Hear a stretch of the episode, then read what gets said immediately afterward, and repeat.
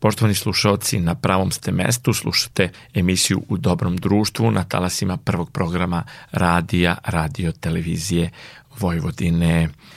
Ovo izdanje rezervisali smo za podsjećanje na jednog od umetnika, a brojni su nas napustili ove 2021. godine. Čućemo emisiju sa Andreom Maričićem koju smo snimili 2019.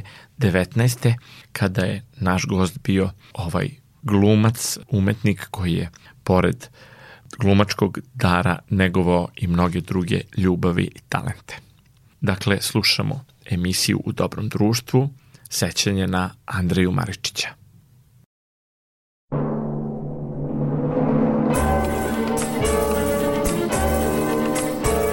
U dobrom društvu.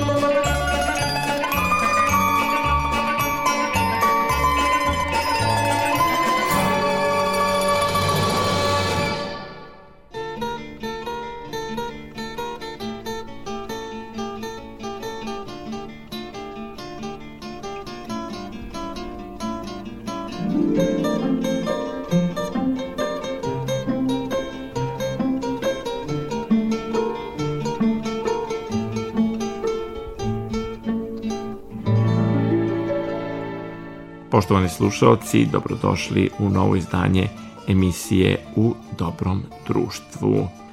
Ovoga puta bit ćemo u pravom društvu jednog veoma zanimljivog i svestranog umetnika, pre svega glumca, koji je danas na pragu sedme decenije, a kao dečak debitovao je ulogom u jednom hollywoodskom spektaklu, Džingis Khan, koji se snimao na našem tlu, Glavnu ulogu tumačio je Omar Šarif i upravo u njegovim rukama nastupio je Andreja Maričić, koji je studije glume učio u klasi profesora Miroslava Dminje Dedića, zajedno sa Žarkom Lauševićem, Zoranom Cvijanovićem, Sonjom Savić, Oliverom Ježinom, Buletom Goncićem i Branimirom Prstinom. Član Narodnog pozorišta u Beogradu postao je 1986. godine a svi ga pamtimo iz filma Dejana Karaklajića Ljubavni život Budimira Trajkovića. Značajne uloge ostvario je u dramama koje je režirao Sava Mrmak, Smrt gospođe ministarke, Odlazak ratnika, Povratak maršala, kao i u seriji Kraj dinastije Obrenović. Takođe igrao je u drami Otkos u režiji Slavoljuba Stefanovića Ravasija. U matičnom narodnom pozorištu Nastupao je u predstava Veštice iz Salema, Aleksandra Lukača, Madame Saint-Jean, Ljubomira Mucija Draškića, Razvojni put Bore Šnajdera, Kokana Mledenovića, Idiot u režiji Steve Žigona i velika drama Izeći nasip u režiji Siniše Kovačevića. Nekim rediteljima bio je i asistent, a bavio se i pedagoškim radom u kojem je i danas. Dobitnik je nagrade Zlatna medalja Beograd za montažu na festivalu jugoslovenskog dokumentarnog i kratkometražnog filma. Takođe, u Jagodini je dobio nagradu najbolji mladi glumac 1986. godine za ulogu Mace u predstavi Kako zasmeti gospodara. Brojne su još pozorišne predstave u glumačkoj biografiji našeg gosta. Dakle, slušamo razgovor sa Andrejom Maričićem. Uživajte. Hvala ti, dragi kolega Maričiću, što si prihvatio ovaj razgovor za, za prvi program radija, radio televizije Vojvodine. Emisija se zove U dobrom društvu. Ti si svakako pravo društvo za ovu emisiju, budući da, bez obzira što si još uvijek u nekim lepim godinama, ovaj, da tvoja karijera dugo traje. Šest banki, to su mnogo lepe godine. E, dobro, ali deluješ mladoliko i u formi uprkos iskušenjima života i profesije.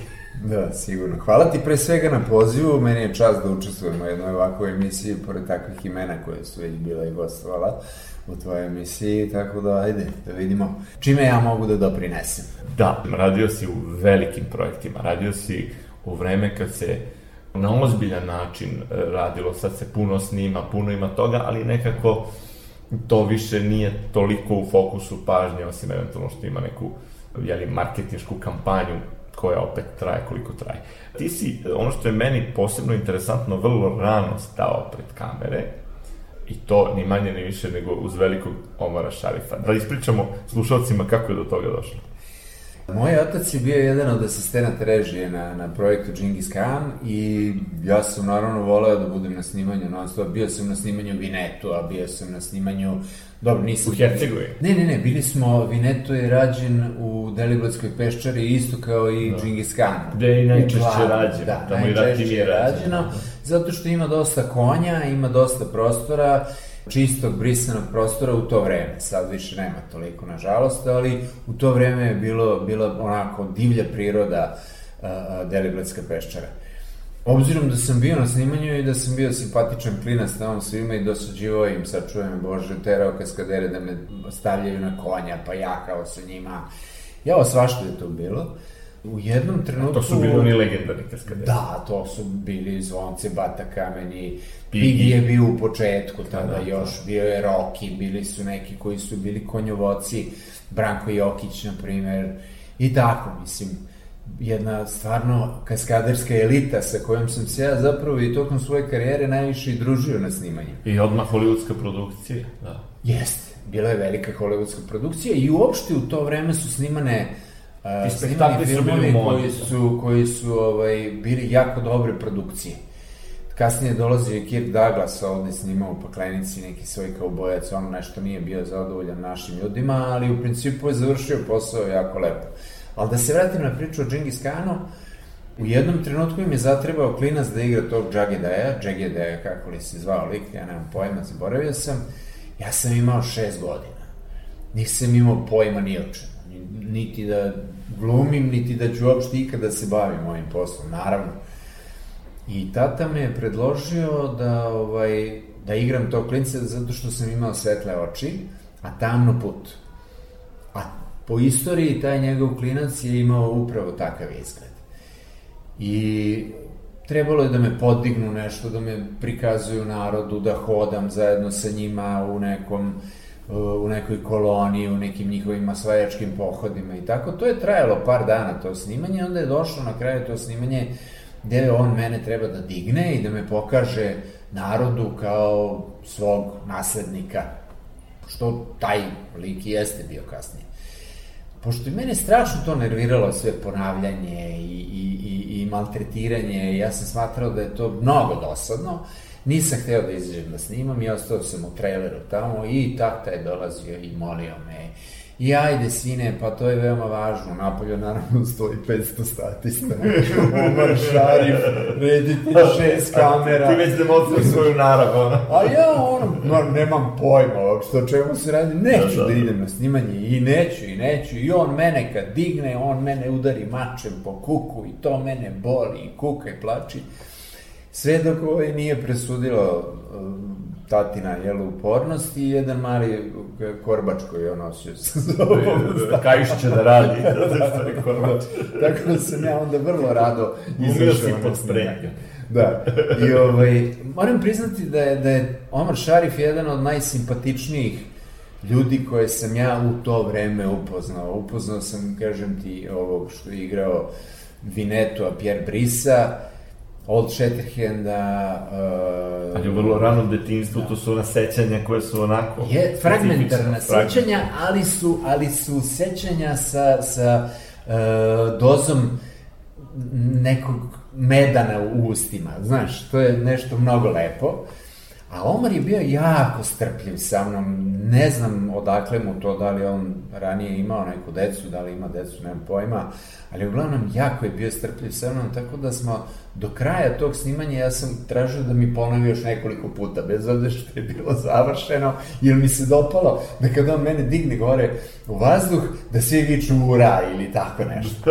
pa ti si kao Simba u kralju lavova. Od prilike, da, da, da, da. To je bilo mnogo slatko i bilo je mnogo davno, imao sam šest godina, znači pre 54 godine.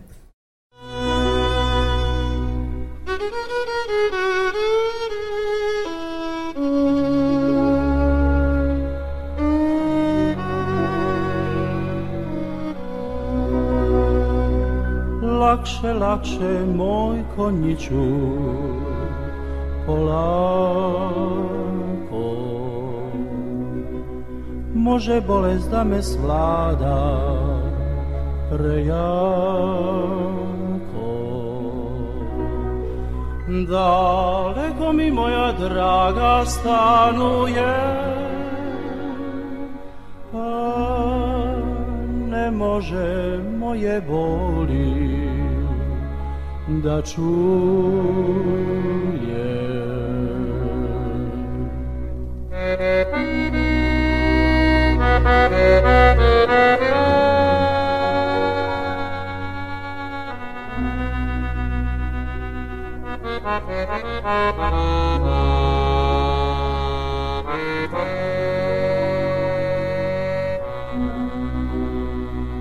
U kafani sedim pijem to vince. A suza mi suzu stiže niz lice Obećao sam da ću joj se vratiti. Neću više mila moja A ti, ti. Obećao sam da ću joj se vratiti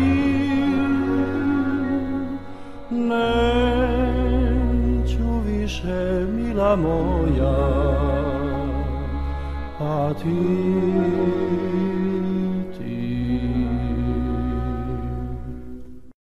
iz tvoje generacije, dakle, posle si se odlučio da, da naravno upišeš glumu i da ti to bude. Jesi se sećaš tog trenutka kako si prelomio, ja ću da budem? U, da, sećam se. Mi smo... Pošto si imao mnoge talena- uh, Ja, ja sam bio kod Bate Miladinovića u radio grupi uh, ne zato što sam bio talentovan, nego zato što je mama htjela me skloni sa ulice. Uh, moj Od tata i mama društva. su se, ma, da, od lošeg društva. Moj tata i mama su se razvali, mama i ja smo ostali sami u nekom bednom sobičku od 17 kvadrata i ovaj, tata išao nekim svojim putem, oženio se. Mi smo ostali drugari do kraja njegovog života, ja sam ga obožavao i on mene i tako, ništa ne govorim loše, prosto život je nudio takve opcije.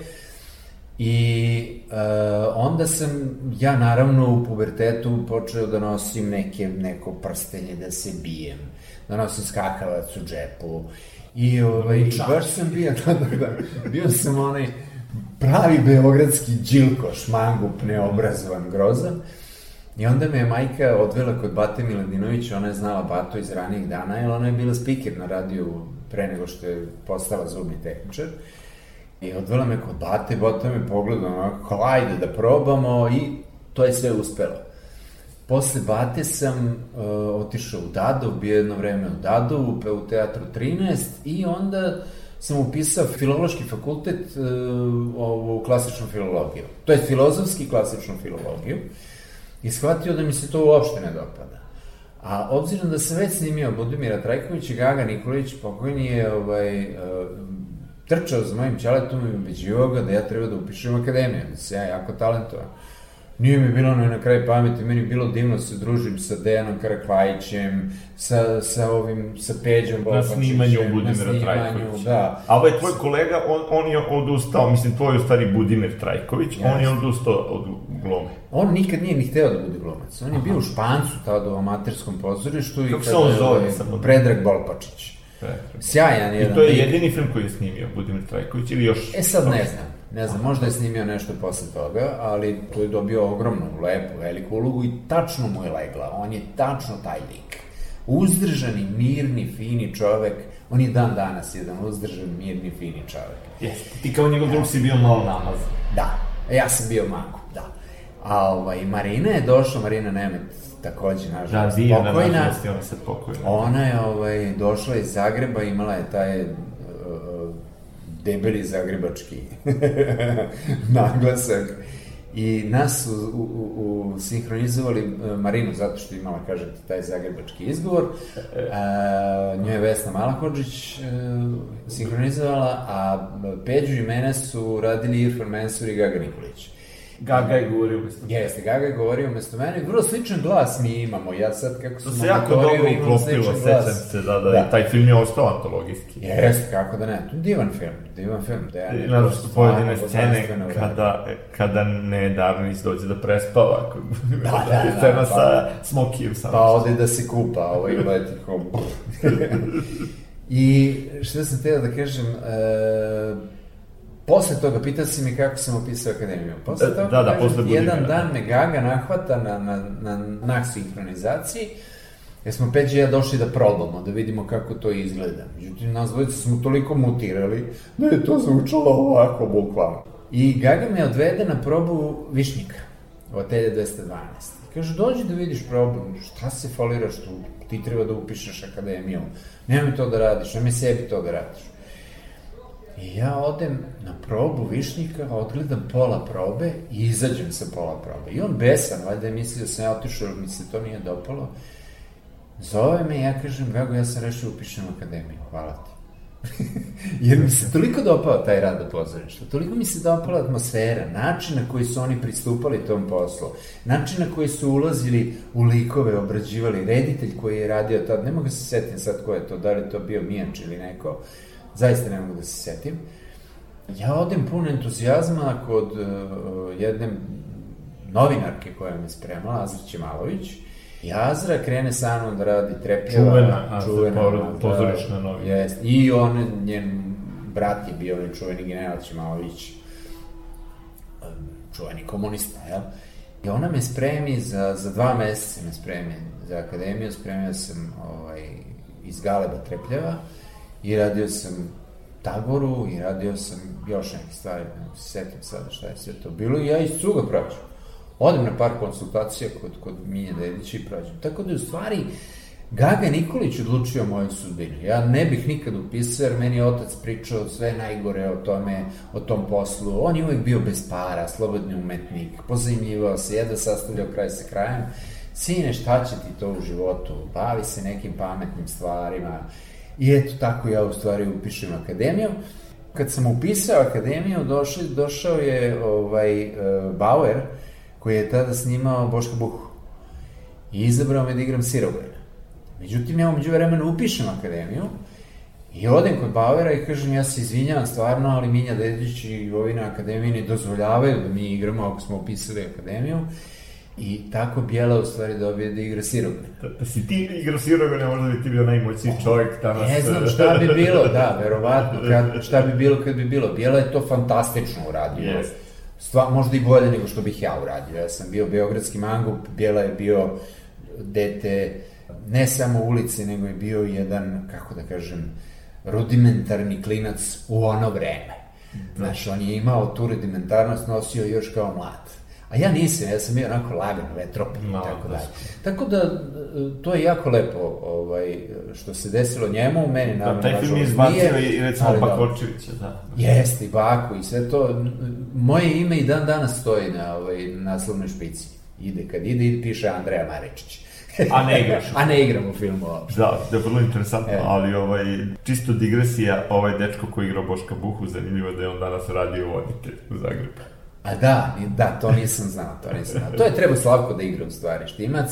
Međutim, onda su pronašli ovo klinca, ne znam zašto nisu uzeli Slavka. Možda je bio na nečemu drugom tad. Moguće. Da, verovatno zato što Slavko je tad slabo se stizao. dosta snimalo. Da, da, mnogo više i, i to što se tada snimalo je i ostajalo. Jeste. Da, I bile vremena su dosta. dobre produkcije, bile je dosta love. Znaš, sad, e, nažalost, ima divnih ideja, ima odličnih reditelja, bore se. Znaš, i nije čudo da, da i Bijela i, i kompanija koja se bavi sada produkcijom i režijom drži jednu ekipu glumaca oko sebe, jer zna na koji način može da istera projekat. Znaš, ti danas više nemaš mogućnost, kao što smo recimo u Budimiru radili. Kao, mi smo dobili neku lovu, ali ovaj, nije se ta lova odmah podelila među nama, nego smo išli na učešće. Mi smo klinci imali 30% učešća, a stariji glumci Bata, Milena, Smoki, oni su imali 100% učešća. Njima se taj honorar isplatio šest puta. Da. Jer ja znam koliko puta sam ja dobio svojih 30%. Sada toga više nema. Jer e, prvo film ne može da se isplati ukoliko se ne prodaje u inostranstvu, malo je tržište, obzirom da, da se snima dosta ratnih filmova i pokušavaju da, da izguraju tu produkciju koja je ranije bila, filmovi mnogo koštaju, a malo zarađuju. A divni su filmovi, ima božanstvenih filmova novih. I pogotovo je mlađe generacije. Evo, ja sam sad imao sreću da igram kod Balše, pomenuo si ga. Moj kolega s klase. U, da, tvoj kolega sa klase u ovoj seriji 5. To je po meni jedna od najzbiljnijih serija na, na televiziji koja je rađena u poslednjih koliko godina.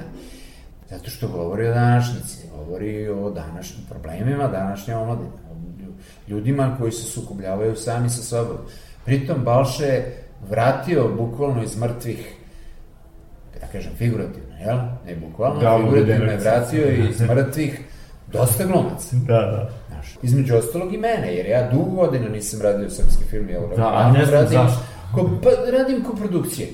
Znaš, i onda oni kažu, a ma oni negde radi nešto drugo i i to. kao, znaš, jednostavno me ne uzimaju. A drugo, ja nisam čovek koji ume da se druži. I da se Da, nameći. da se nameći. Ja sam se bavio mnogo godina preponskim jahanjem, ja se... Pecanjem. družim- Pecanjem, da. I malo se vežba i balet sa nekim ljudima ozbiljnim, tako, tako da sam bio u nekim drugim vodama, ja ne umem da sednem sa glumcima, pričam, e, znaš ono kako je bilo na onom snimanju, sjećaš kad smo bili na Goliji, pa smo tamo radili, a radili smo ovo, radili smo, i ja nemam te priče i onda Da, da, da. jednostavno... I da izovi, radi da, sve što... ne ulazim u, u to sve. Nije meni krivo zbog toga, naravno, jer sam radio mnogo drugih stvari kao montažer i kao reditelj kratkog metra. Da, jer zanimljivo je to koliko tako, ti da. imaš darova da... Pa da, sad radim i kao pedagog u Narodnom pozorištu, operskom studiju, već godinama i tako, mislim, ima uvek... To je da bi operski pevači naučili da što bolje glume. Jeste, jeste. Da, to je stvarno korisno i potrebno. Kako da ne, kako da ne, i vrlo lepo reaguju, ne svi, naravno, nisu svi talentovani za glumu, ali ima ih koji su jako talentovani za glumu, a operski su pevači, to je uglavnom najbolji spoj, i takvi uglavnom idu inostranstvo i ne zadržavaju se ovde. Interesantno je kad pomeneš velike produkcije, kako se sada u stvari malo radi, ali i drugačije se radi. To što se radi, eksplozije su više u postprodukciji, se rešavaju digitalno i tako dalje. Nema više objekata, gradovi su promenjeni, stari kvartovi su srušeni ili izmenjeni i sad se ili napravi nešto što je naravno skupo, ali recimo ti si zakačio neke stvarno sjajne produkcije, kao što je recimo bio si u povratku otpisanih, To, to, je- je mala, mala uloga bila stvarno, ali u seriji koja živi dan danas. kako da ne, kako da ne, to je... To si bio mladi skorac tu negde u finalu pred kraj kad se pojavite više njih u, u epizodi Krieger. da, da, valjda, ne mogu da se setim. To je isto bilo pre Kad su akademije. ranili Jacu Bepčeka Da. na kraju i Mrki je ranjen. Da, da, Da, to je isto bilo pre akademije mnogo davno. To je, to je bila jedna velika produkcija, mnogo lepa produkcija. Ceo Beograd je bio scenografija, Jeste. da, da. I prvi deo, i drugi deo, i vrlo ozbiljni glumci su izašli iz te produkcije, vrlo ozbiljni glumci su igrali u tome. Znaš, uzmimo Vasu Pantelića, recimo, pokojno koji je igrao onog domaćeg izdajnika. E, tu je, Tako. ima mnogo ljudi koji tu drže čas glume, počevi od Krigera, naravno, a ti si Krigera, Stevi naravno. Žigano i bio i asistent posle, je li tako? Jeste, posle sam ja uh, bio asistent na dva projekta ovde, uh, Stevi Žigunov, bio sam uh, asistent u Idiotu, to je velika lepa predstava koja je igrala 10 godina i posle toga smo radili upravo Galeba. Da. Koga sam kako se sećaš, prijevodu. kad si prvi put upoznao? Stevu? Stevu. Ne, nisam. Ja sam uh, upoznao Stevu tek kad sam došao ovde u pozorište. Tika Arsić je igrao Rogožina i Treb, ja sam, ja, pošto smo se Tika i ja lepo družili u to vreme, nešto smo pričali o tome i ja kažem, bože, kako bih radio tog idiota, to je tako divan tekst, od Stevi može da se nauči mnogo toga. Ja sam već pre toga radio kao pomoćnik režije Veri Crvenčanin, Ir- Irini Konidari i tako dalje ovde. Tika kaže, aj pitaću ja Stevu da li hoćete uzme za asistent. I ovde pita Stevu i Stevu onako kakav je blend, pa neka dođe, šta, ne znam ja ko je to, nema veze i neka dođe. I ja tako uletim i počnem da radim sa njim i on shvati posle izvesnog vremena da sam ja jako ozbiljan i da ovaj, znam taj posao dobro, jer gledao sam svog oca na filmu 100 godina kako to radi. Volim pozorište, znam tehnologiju, poznajem ljude i vrlo brzo smo uspostavili jako lepu komunikaciju i radili smo do, do, do, do kraja. čak smo negde pred kraj, recimo kada se rade oni progoni i kada reditelj gleda pa daje svoje primetbe, čak i on meni davao slobodu da ja kažem neke svoje primetbe svojim dosta starijim kolegama i vrlo ozbiljnim kolegama koji su to vrlo lepo prihvatali. Tako Da, da, meni je, to, meni je da. velika čast bila da radim sa, sa Stevom Žigunom i veliko zadovoljstvo i mnogo sam naučio. Sve ono što nisam do tada naučio o pozorištu, naučio sam na, na tom prvom projektu Idiota i kasnije kad smo radili Galeba. Pomenuli smo da je trebalo da igraš kod Bauera, koji je zaista veliki. Čak e, Slavko Štimac ga navodi kao možda i najvećeg reditelja s kojim je radio, u smislu naj, najveličanstvenijeg poznavaoca struke, neko ko zaista... Jeste, apsolutno, u to vreme on je bio zaista vrh. Radio si kod gospodina Bulajića, čiji su filmovi jeli, bili nominovani za Oscara, i koji je, bez obzira što je bio jeli, državni reditelj, ipak znao i taj posao. I još uvek je u top formi. Jeste. Kakve su ti iskustva sa tog velikog transporta? To je poslednji neki veliki, ozbiljan ratni spektakl. Eto, u Vojvodini bilo je poslednji nekih afera. Mnogi ne vole taj film, čak i glumci koji su igrali u njemu. Eto, Dragana Vargić je bilo u ovoj emisiji, pa tako ne voli sebe u tom filmu. Ali ovo kod Bulajića je bio ozbiljan spektakl, znači puno para, puno statista, puno pirotehnike, čini mi se baš u tim scenama. Sticajem okolnosti, ja sam uleteo u, u veliki transport. Moj otac jeste radio kao pomoćnik režije, ali nije radio casting. I nije me uopšte pomenuo u bilo kakvom razgovoru. E, nego je mene dovela na casting njegova bivša žena, Lula Mensura Maričić, koja je tada radila kao skripterka kod Veljka Bulajića. I predala je moje fotografije, Veljko je tražio da se vidi sa mnom i dao mi ulogu tog kapetana. Igor Hajderhođić je igrao takođe drugog ovog kapetana i uh, Bijela se takođe pojavio u onoj ulozi onog su- malo koji gine. To je, Da, to je da, jedna da. predivna, slatka uloga. Na rukama Velvet. Jes, da, jes. full To je, box, to je da. divna jedna ulogica e, koja je bila zapravo e, pripojena ovim dvema ulogama. Međutim, pošto je Veljko hteo to da razbije, onda je on izabrao mene, Igora i Bijelu da igra tu, ma, tu ulogu tog dečka koji gine, koji, to je jako šarmantno i divno i odrađeno, fantastično. Snimanje je bio, bilo užasno napor. Koja je to reka tu? Užasno. Koja glumi? Tisa. To je Tisa, mi smo je imali onu scenu plivanja u Tisi, Da. gde ovaj, to se snimalo noću. Pošto sam ja trenirao plivanje svoje vremena, bio sam jako dobar plivač dan danas. Ovo, ja sam sa tim laki teškim ronioцima plivao sa sve nožem u zubima i u jednom trenutku slučujem Veljka koji je sedao na jednom splavu koji viče Mišo, Mišo, ne mlati tako rukama, u kadru si, ajde sklonite ga odavde. Međutim, šta je bilo? Dečko je dobio grč u obe noge. Jedan od vojnika. I obzirom da je bio na, na metar od mene, Ga- da se udari. Ja ga, da, da, krenuo da se davi. I ja ga uhvatim onako ispod brade, pošto sam imao taj, taj završen kurs za spasioca i izvučem ga na obalu, naravno svi skoče, prekine se kadar, izvu, izvuku ga napolje. Ovako je bila strma obala, jedva smo izašli, nije uopšte bilo predviđeno da tu izađemo, ne, nekom desetom mestu još recimo 30-40 metara ispod. Hoću da kažem koliko je to bilo strašno. U jednom trenutku su smo trčali bosi preko strnjika.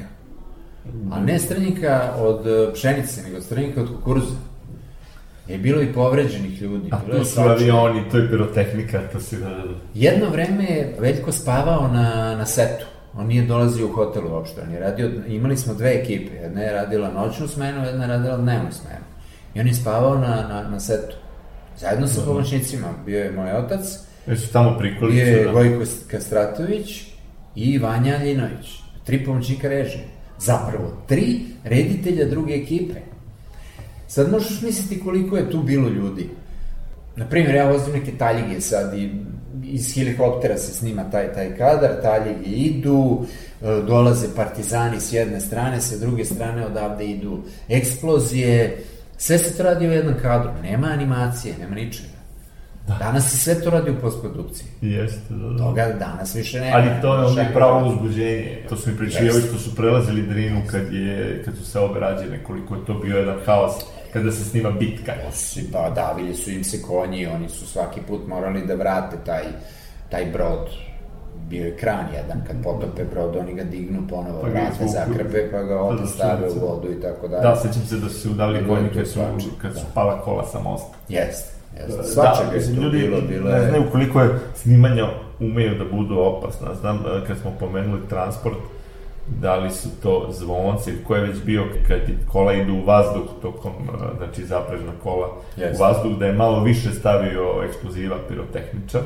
Boban Piros bio... Ne, bio je Čeh stranac, Čeh, i Od- da, je, i da su oni odleteli, bukvalno, od pirotehnike, Jeste. da su odleteli i da su se nešto malo i povredili. Ma što je leteo on, nego što je leteo kamerman. Pošto je bio far jedan, pa je sad, znaš, trebalo ispred fara ispaljivati te eksplozije, ovaj zakasni sa eksplozijom i opali ispod kamere. Tako da je letela i kamera i kamerman. I svašta je to bilo. Meni je puko kajas, na primjer, u punom galopu, se- vozio sam dva prega, taljeg je u punom galopu mi pukne levi kajas. I sad šta ću ja, nekako, obzirom da sam imao iskustvo sa konjima, ja se nekako snađem i, i sa sve taljigama ovako uletim u šanac dole i tako ih zaustavim. Inače, konji su ludeli od eksplozija, od ura, partizani, bla, bla i svega toga. To je bilo strašno. Da, životinje niko ne pita. Ma ne, pita. Moj otac, moj otac je pola filma proveo na konju. Jer sama kolona je bila dugačka 2,5 km. Sam transport, da, da. Sam transport je bio. To se snimalo sa šest kamera u ono vreme. Asistenti režije i ovi vođe snimanja su bili raspoređene u, kao statisti su bili Aha. obučeni i od punkta do punkta. A tata moj je seo na konja i od odavde, od početka do kraja kolone je išao da izdavao naredbe, slušajući Veljka, naravno i ostale koji su ovi uticali na to. Tako je to bilo organizovano, nije bilo uopšte bez veze. Bilo je i para, da, tada. Jeste. Pa je mogla takva ozbiljna produkcija da, da se radi to tad i ko zna kad. Da. Nikad više. Nikad. Već u Vuku Karadžiću smo imali potpuno drugu situaciju. Imali smo ovaj manjak para, trebalo je da bude recimo 50 konja, onda je ostalo 10. Trebalo je da bude, ne znam, ona čuvena bitka koja se tamo vodila. To je sve urađeno sa 10-15 statista, mislim. To je, je bilo baš onako bedno. Ali opet bilo je dovoljno para i za konje i da idemo u počitelj da snimamo i da idemo u Mostar i da idemo ovamo i da idemo namo i putovalo se i dosta se snimalo. Da, da, da, da, da. U odnosu na kasnije, opet, kad, jednog momenta su, je baš bilo sirota. Pa da pomenem recimo seriju Kože u kojoj sam igrao onog Arifa, to je isto bila velika produkcija, mi smo bili u Stocu, tri meseca stacionirani, cela ekipa, u jednom hotelu. To se putovalo, Beograd, Stolac, Beograd, Stolac, ali se radilo po celoj Hercegovini, to je bilo statista koliko hoćeš, bilo je mm, oružja koliko hoćeš, bilo je svega. Pomenuli smo velike reditelje. Ko od velikih glumaca je tebi posebno ostao u sećanju, pošto su najveći, uglavnom su otišli? Ovih sa kojima sam radio, Da. S kojima si eventualno imao i kontakt na... na, na Milena, Milena Dragić. Milena Dravić, ja moram priznati da je Njena naj- skromnost, velike Jeste. zvezde. Najprijatniji rad sa nekim, ako već moram nekoga da izdvojim, ne bih izdvajao, ali izdvajam Milenu zato što je to, ona je bila jedna predivna dama koja je znala da bude i muškarača, znala i da opsuje, znala i barabar sa muškarcima da ide u, u okrše, I da bude prekinjen. pre svega bila je jedna divna, divna, nežna dama koja je imala strpljenja za sve, nikad histerična, nikad kapriciozna, uvek odmerena, šta više, kada je neko imao svoju krizu, ona je znala da uleti i da pomogne i da porazgovara. Naravno, ne zaborave se one naj, najznačajnije stvari. Savo Mrmka nikad neću zaboraviti. Slavura Vasija i Otkos. To isto moram da pomenem. Jedno, Da, da, da, to je bila poznata da, serija. drama iz, Drama, pa to je da. drama iz dva dela. To Da, je da, da. Radoš Bajić pisao. Jedna predivna uloga, James Dinovska onako uloga u ono vreme. Takve stvari se ne zaboravljaju. I evo, kažem sad najnovije ovo sa Balšom. Ja odavno nisam od Mrmka i, i, i ovaj, Slaver Vasija ovamo nisam naleteo na reditelja, nek se ne uvrede, žao mi je što da im radim, koji mi u tri rečenice objasni šta treba da radim. I ja to jako dobro uradim. To je I on sjajno. je zadovoljan. Znaš, to je velika stvar.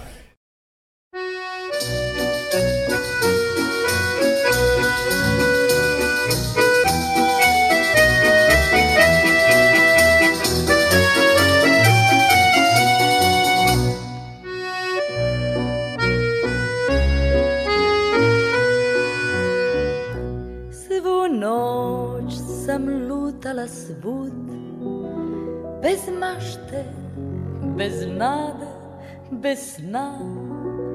I ne znam baš nikakav put Kud mogla bih otići sad.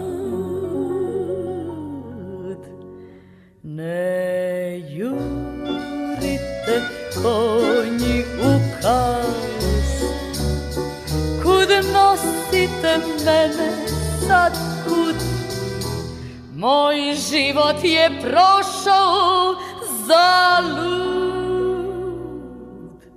Ne jurite konji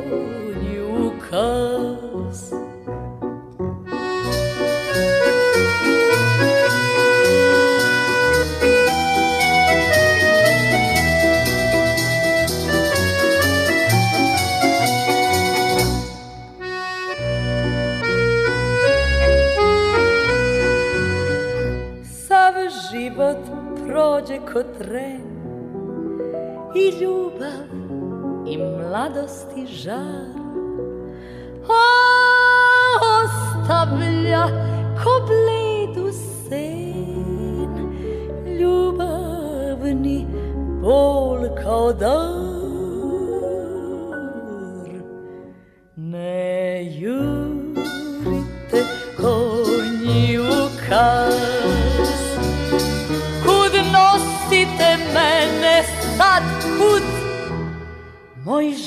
život je prošao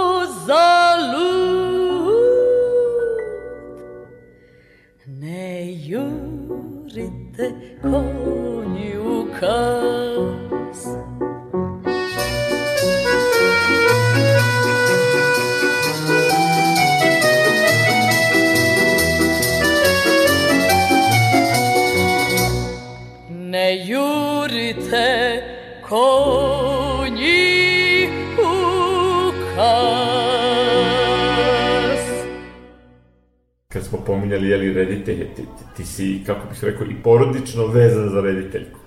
Jesam. Moja supruga Ivana Dragutinović Maričić, koja je već 20 godina, evo 19 godina zapravo, sledeće godine će biti 20, slavi 20 godina umetničkog rada, reditelj opere Narodnog pozorišta, je jedan od tri školovana reditelja opere. Nažalost, ova dvojica ne radi kao reditelji, radi kao dirigenti. Ona je inače fantastičan sopran.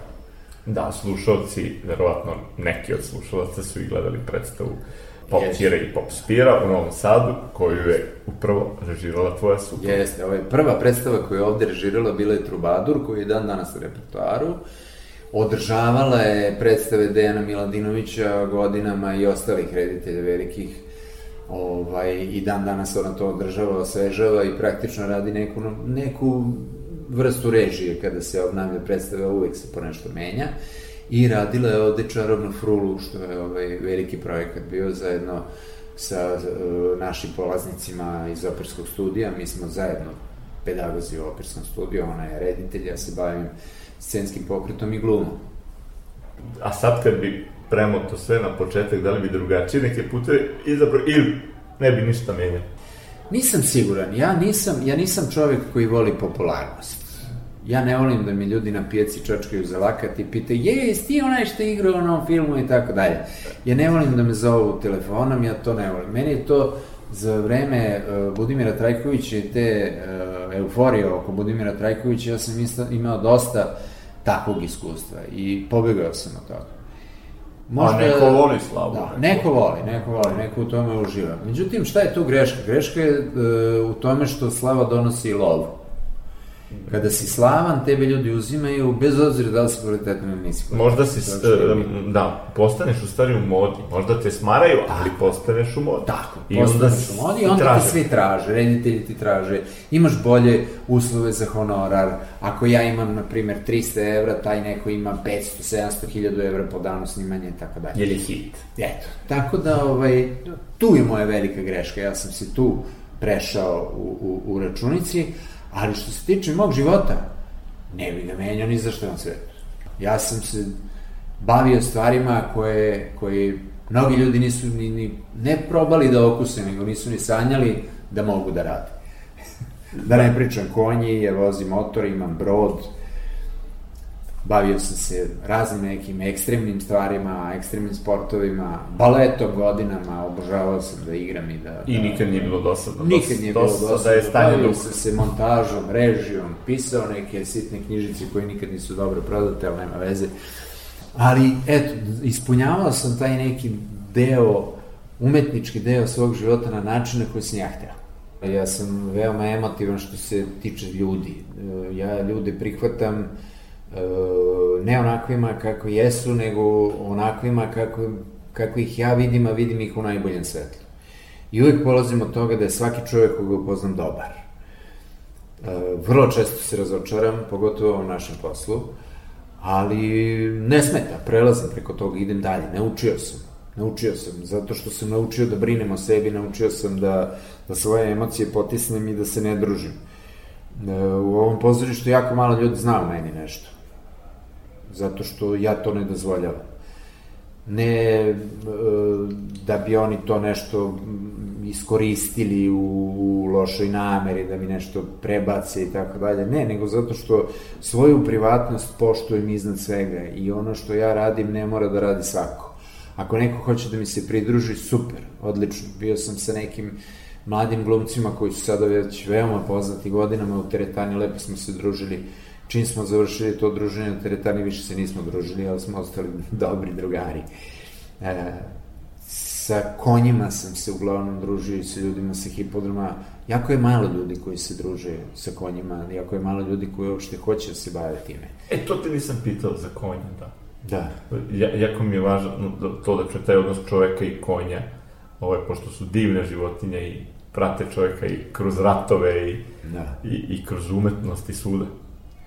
Kroz film, da, izvini, prekinuo sam ti možda misao koju si hteo da... Dobro, nema veze, rekli smo sve što imamo da kažemo, sve se zna. Ovaj, to što se konja tiče, ja sam, ja sam uh, prvo naučio da jašem, pa tek onda da hodam. Jer moji su sremci bili konjari, uglavnom su imali neke lipicanere, arabere ili noniuse.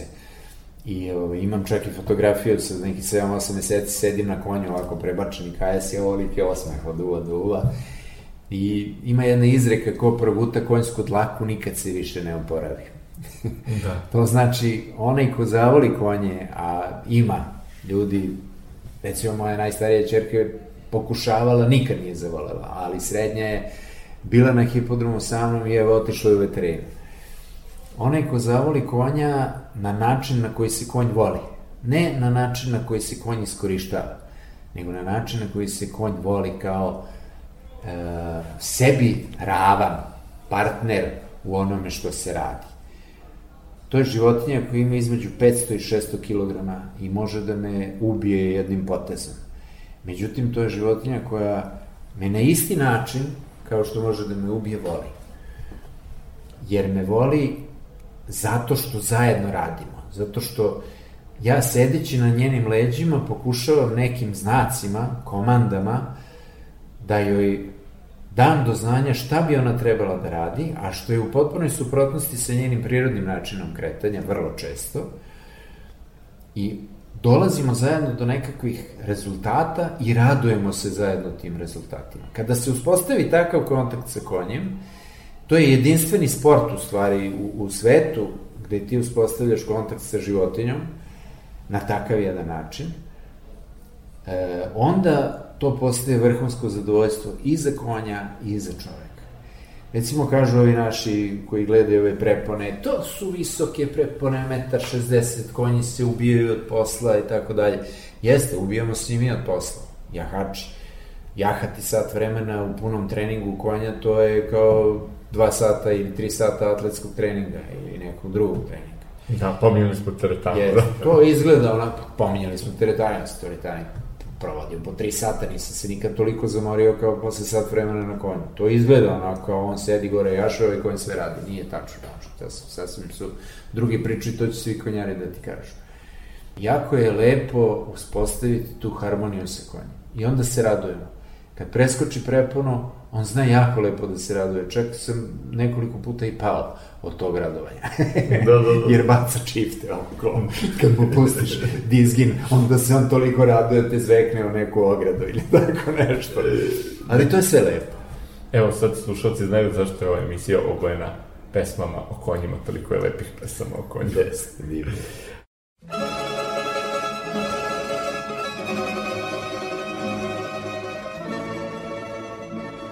najdivnijem fijakeristi na svetu, u Somboru, pokojnom Jagri, u spomen.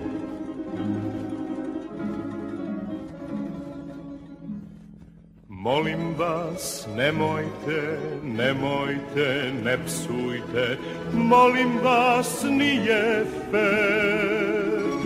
Večeras nemojte, o samo večeras, ne psujte fijake. ai voz ponekad, svaki voz ponekad pokvari vozni red. Što ne bi fijaker, taj stari fijaker, kog vozi čiča se.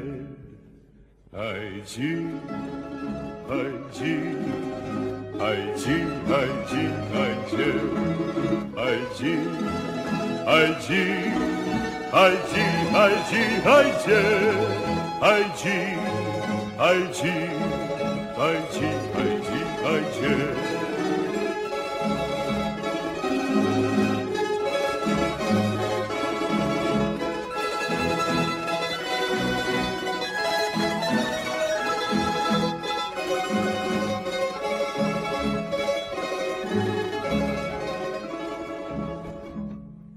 Danas je godina baš ove večeri u ovaj isti dan. Kasao, zastao, s dušom se rastao, moj verni konviđan. Kazuj mušterio, si namerio, u koji želiš kraj. Novčanik u stranu za dušu, Riđanu večeras vozim fraj. Ajđi, ajđi, ajđi, ajđi, ajđe, ajđi, ajđi, ajđi, ajđi, ajđi, ajđi,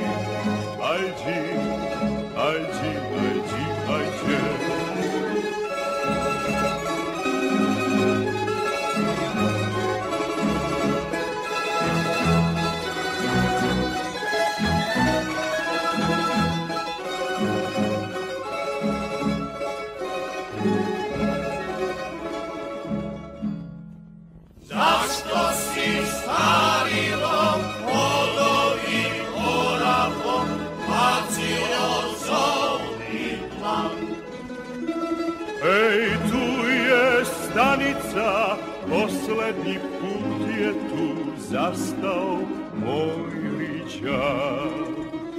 Ej, tu je stanica, poslednji put je tu zastao moj riđak. Ajđi, ajđi, ajđi, ajđi, ajđi, ajđi, ajđi, ajđi.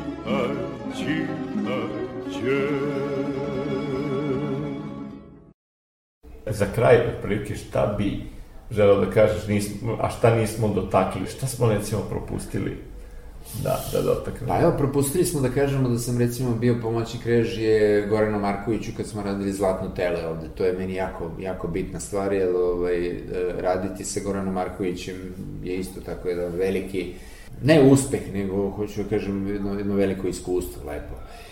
Poručiti nekome nešto, nema ništa. Neka ljudi žive onako kako vole da žive, to je najbitnije. Naravno, svako iz svog Da. karaktera. I svako ko živi onako kako voli da živi ima čistu savest u odnosu na sebe i u odnosu na svoju porodicu. I miran san je najvažniji. Tako je. Ono što je najbitnije u životu, to je porodica. Deca, supruga, ta jedna mala društvena ćelija, što bi rekli naši drugovi komunisti, koja je zapravo osnovica svega. Uh, ono što ja danas ne mogu da razumem, to su te uh, varijante koje uh, forsiraju gej odnose među ljudima koji pokušavaju da čak i naše deci nametnu da je to nešto sasvim normalno. Ja nemam ništa protiv gejeva, odmah se razumem, balet da, da. igra godinama i moji drugovi jako dobri prijatelji su gejevi. Da, ili to ostalo u nekim brašnom. Jeste, ali uvek to ostalo ono na granici, ti ovo, ja ovo, a, vi ste gejevi, super, bit će više balerina za mene. Kao peca. Ko, ko klinac, ja sam uvek tako razmišljao. Ovaj, ali sad kao, kao već zreo čovjek, već pri kraju praktično svoje pozorišne karijere, meni je 60. godina, imam još 5 godina do, do penzije, zaista poručujem onima koji hoće da se bave ovim poslom da budu svoji i ako ne moraju da ulaze u, u klinč nekakvog druženja, jer nemaju potrebu za tim, već im ide karijera, ne preporučujem im da se druže sa ljudima iz sveta filma iz sveta pozorišta. Iz branše. Da, iz branše. Zato što je naša branša suetna, podmeću se noge. Glumice su surove da, između i, sebe. puni su sebe. To što su puni sebe ljudi, to je sasvim normalno i mi to učimo na akademiji prvi dan, kad, ako ti profesor kaže, ako ne voliš sebe, neće te niko voleti. To je tačno. Ali gordost i sueta ne idu. Ne idu zajedno.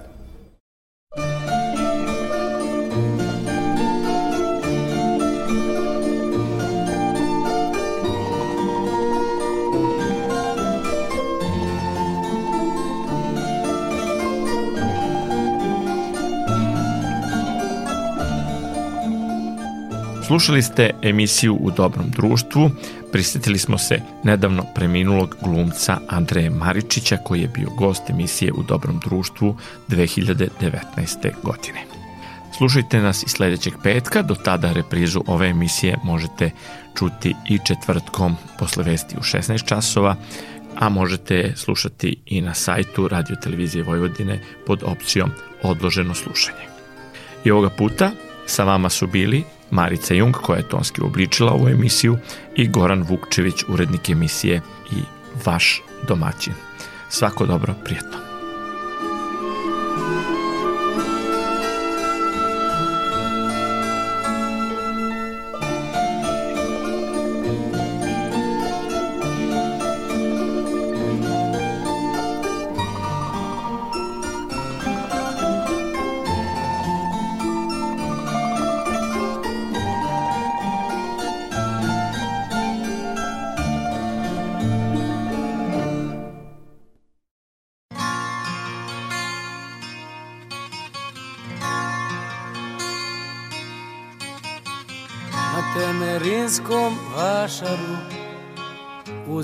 Šešir plišani Da mogu budan sanjati. Kad kiše počnu padati Kad jesen tugu najavi I u mene na nišani Da samo šešir nakrivim I ni o čemu ne mislim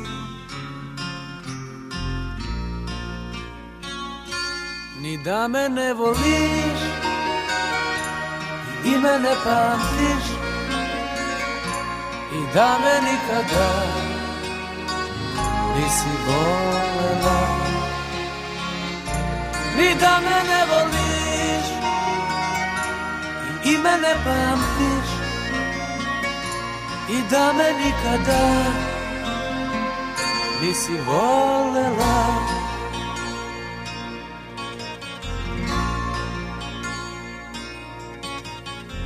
na temerinskom vašaru. Uzo sam ždrebe maleno Da mogu budan sanjati. Kad kiše počnu padati Kad jesen tugu najavi I u mene na nišani Da samo šešir nakrivim ni o čemu ne misli.